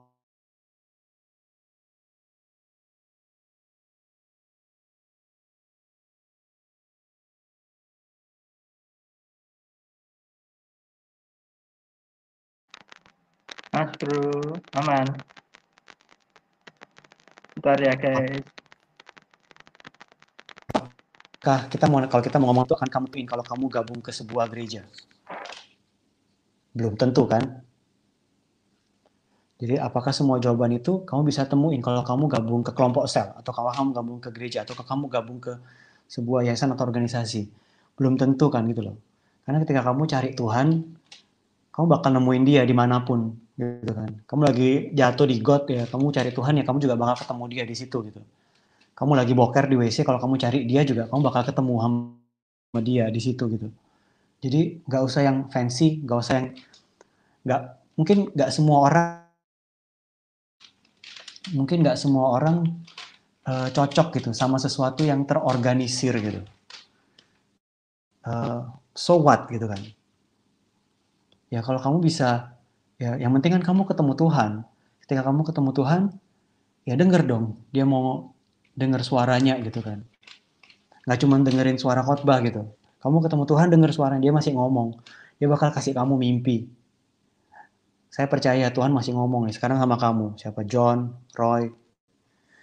Tuhan ngomong dia kasih kamu mimpi gitu. Sekarang kita kebanyakan ngelihat orang pemimpi-pemimpi uh, yang lagi tidur cuma di dalam doang gitu.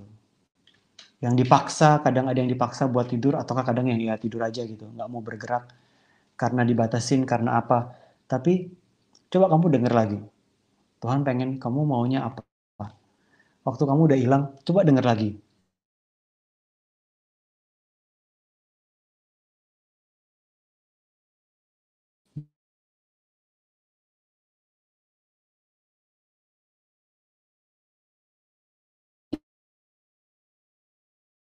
Ya jalan. Ternyata yang lain. It's okay. Terusin aja komunitas pangmu. Kamu juga bisa kok jadi terang di situ. Terusin aja kamu di geng motormu atau kamu di jalan atau kamu di mana atau kamu ngapain. Denger gitu loh. Dan uh, toh itu prinsipnya kan kayak uh, ya maksudnya ya kamu juga diutus ke sana gitu kan. Dan ketika kamu bertumbuh ya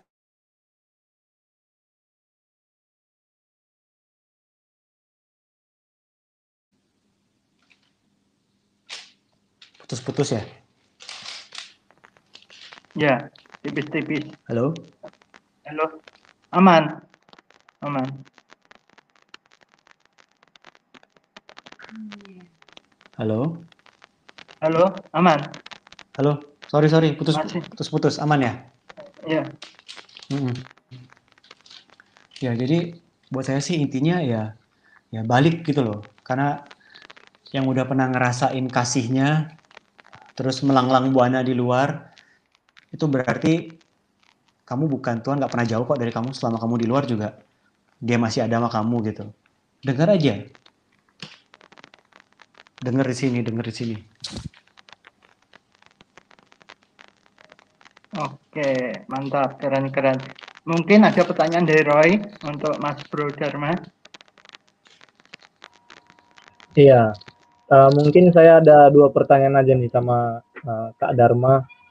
Ya memang sangat memberkati ya konten-kontennya saya lihat di Instagram itu kan. Uh, susah sih buat seperti itu kan harus memang benar-benar sungguh-sungguh bertekun kan gitu buat buat gambar-gambar seperti itu dari gambar yang orang digambarkan lagi langsung jadi seperti itu wah keren sih. Saya pernah sih pengen mau jadi seperti itu tapi mungkin saya nggak uh, di situ mungkin maksudnya kan kan nggak semua orang tuh bisa karena saya orangnya nggak terlalu bisa terlalu tekun seperti itu. Itu kan harus tekun toh biar biar pas dia kan gambarnya itu sesuai. Nah ini saya uh, mau tanya nih sama Kak Dharma ada dua sih. Nah yang pertama itu uh, bagaimana sih uh, seorang itu supaya memang sungguh-sungguh untuk memperjuangkan hmm. mimpinya? Untuk memperjuangkan mimpi. Kadang kan banyak orang berhenti mimpi yang tinggi karena kendala mungkin dari ekonomi keluarga karena kendala mungkin dia diejek sama teman jadi insecure. Jadi dia mimpinya tinggi tadi jadi ya nggak mau lagi dia bermimpi tinggi tinggi karena kan dia udah insecure terlebih dahulu. Nah bagaimana sih uh, mungkin kak Dharma bisa kasih motivasi buat mereka yang sedang hmm. berjuang untuk menggapai mimpi mereka supaya memang tetap benar-benar kejar mimpi mereka sampai mereka berhasil? Nah itu yang pertama. Dan yang kedua kak ini saya mau hmm. tanya cuman simple. gitu apa sih yang menjadi visi misi kakak dalam melayani generasi khususnya di sosial media seperti buat konten-konten kreator seperti itu? Thank you. ya ya, oke oke. Yang pertama ya, jawab ya. Um, gimana ya? Kalau gini, uh, pertama kan kamu mesti kamu mesti dengar dulu gitu kan. Kamu dengar, kamu dengar, kamu tahu gitu. Jadi tahu. Dan ketika tahu itu kan istilahnya apa ya? Ya kadang itu kayak cuman suara kecil gitu di kamu denger di telinga di kepala atau di hati. Tapi uh, coba nemuin itu gitu loh. Di di apain? Jangan ragu. Coba tanya lagi gitu. Oh kok Toto ada dorongan buat kayak begini ya atau kayak begitu ya? Coba tanya lagi. Bener nggak? Ini nggak?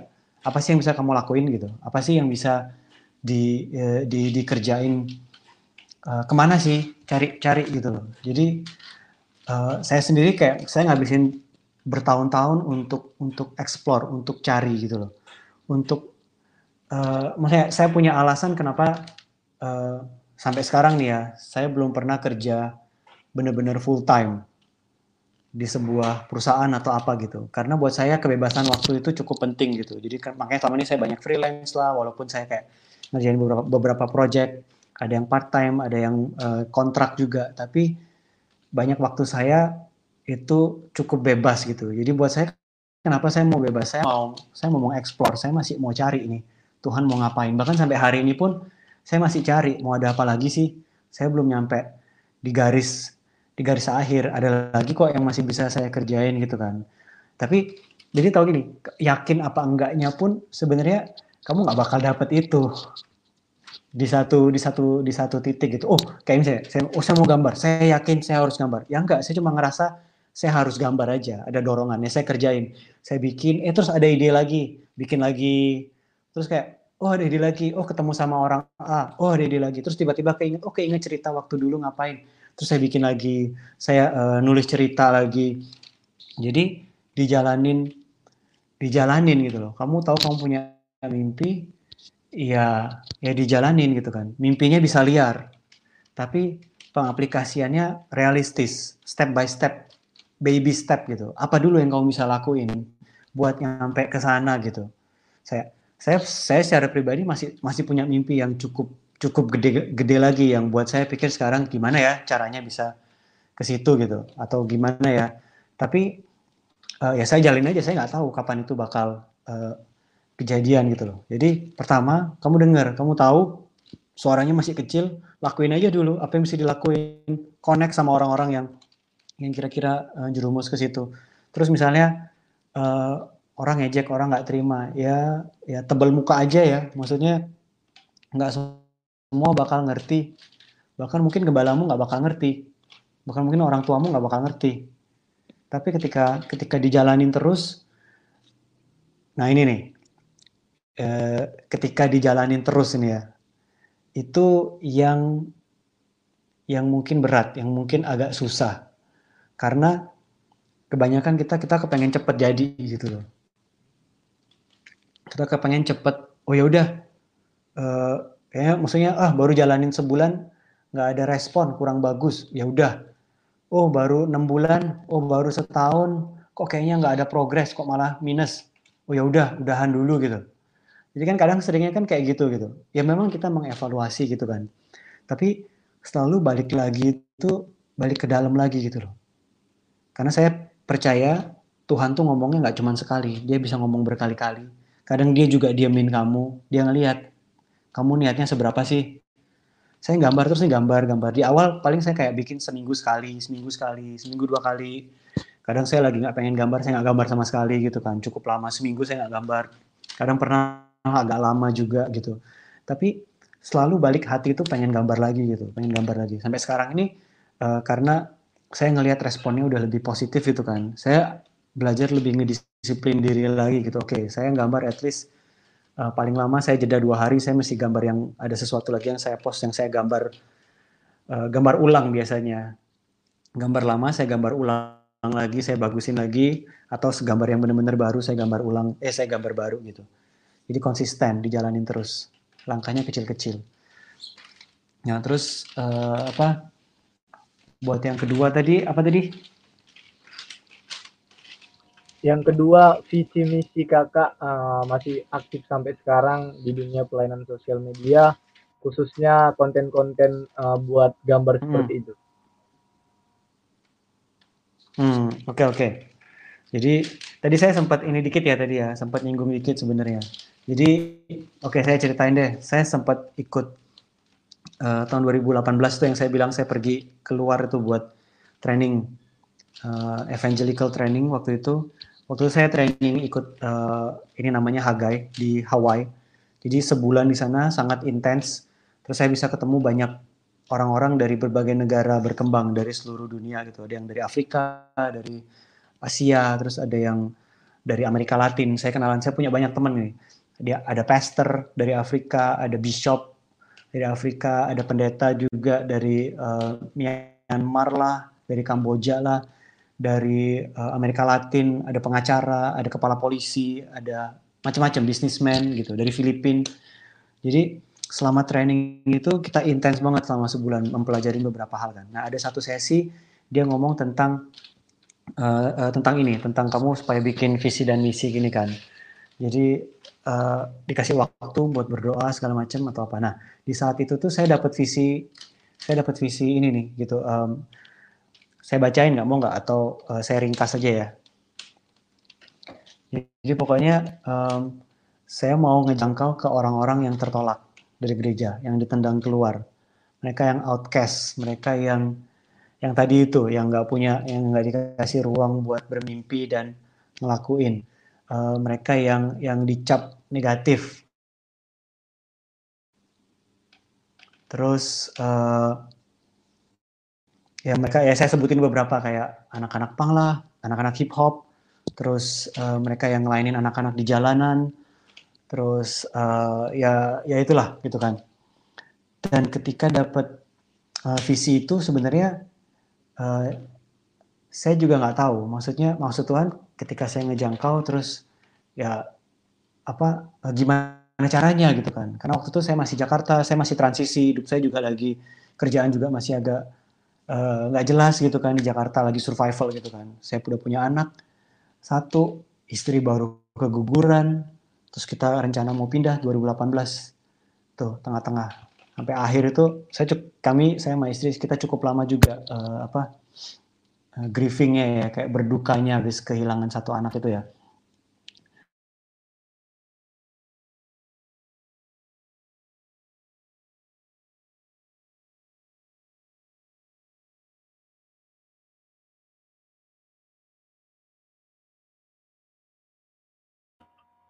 Halo kak, masih aman?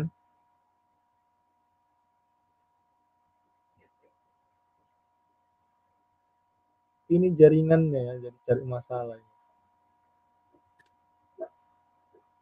Yang um, bilang dibilang udah lama nggak gereja-gerejaan udah lama nggak Tuhan-Tuhanan gitu. Tapi kok ini ya maksudnya.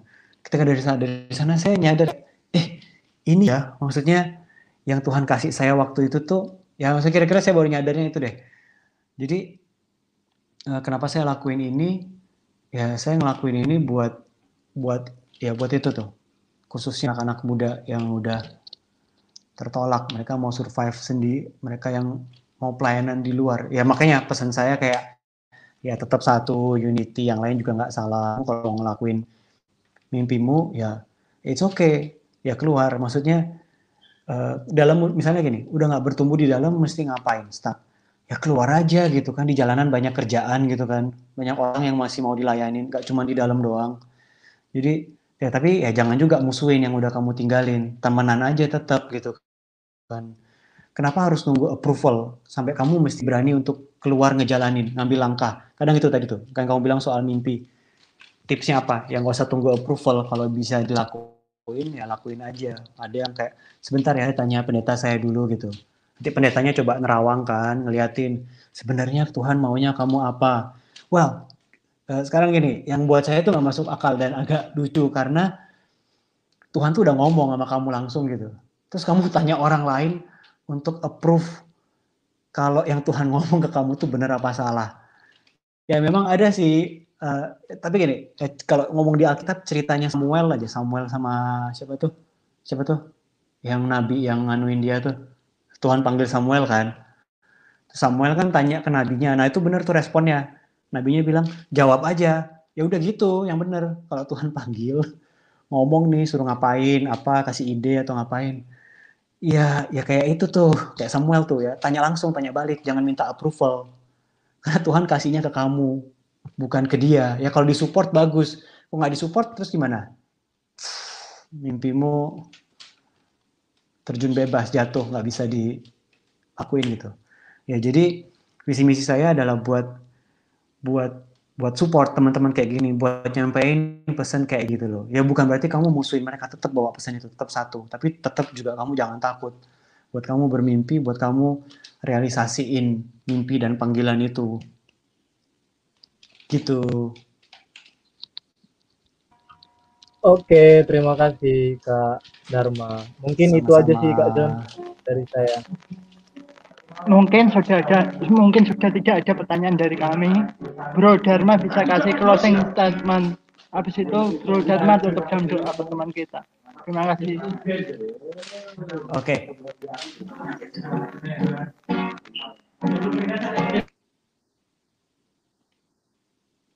Oke. Ehm, saya kasih kesimpulannya lagi aja ya di sini ya. Jadi em, nomor satu, jangan takut buat bermimpi. Kalau kalian udah denger suara Tuhan, ya nggak salah juga sih kalau mau minta approval gitu ya. Coba cari. Tapi kalau nggak di approve atau nggak disetujuin, bukan berarti itu bukan suara Tuhan juga gitu. Karena Tuhan ngomong ke pribadi tiap orang beda dan pemimpin pun punya kapasitasnya yang nggak akan bisa selalu menampung apa pun yang dimauin sama setiap anggota jemaatnya gitu. Jadi keputusan untuk supaya mimpimu bisa terrealisasi apa enggak itu juga balik ke dirimu sendiri, balik ke diri kita sendiri. So, jangan takut buat bermimpi. Terus yang kedua, yuk kita sama-sama ini uh, realisasiin mimpinya Tuhan Yesus yang dia mau kalau kita semua satu. Gak peduli labelnya apa, kita semua ngikut dia, kita satu. Gak perlu berprasangka buruk sama orang, gak perlu takut. Apalah, ya kita ngelihat aja kita ini sebagai sebuah keluarga gede gitu. Oneness. Ya, doa yuk.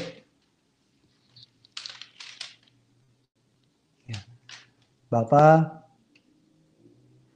uh, terima kasih buat malam ini, terima kasih buat um, teman-teman yang udah ngadain acara ini, juga teman-teman yang udah nonton.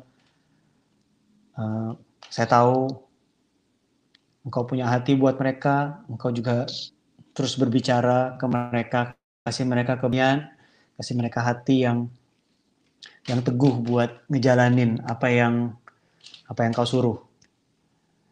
Um, saya berdoa juga supaya mereka juga tetap uh, ingat kalau kita semua ini satu, satu dalam Kristus uh, yang udah dia lakuin buat kita semua di kayu salib. Itu biar itu yang mempersatukan kita semua. Apa pun latar belakang kami, ajarin kami buat bisa nerima satu sama lain di dalam kasih. Saya berdoa buat semua mimpi yang ada malam ini atau buat semua mimpi yang bakal lahir setelah uh, teman-teman dengar pesan tentang ini biar mimpi itu jadi lebih gede lagi, biar uh, mereka rasain itu ada siraman air, dikasih pupuk itu akan jadi lebih gede dan kau bakal lihat kalau Tuhan juga you know bisa pakai kamu siapa pun kamu seberapapun kamu udah ditolak seberapapun kamu udah ditendang keluar dikecewain nggak ada yang minta maaf sama kamu, nggak perlu. Kamu yang maafin. Karena Tuhan udah maafin kita juga, maafin kamu. Terima kasih Tuhan Yesus. We love you. Amen. Amin. Terima kasih pelayanannya, Amen. terima kasih kesaksiannya, sharingnya. Tuhan Yesus memberkati. Shalom. Sama-sama, Tuhan berkati.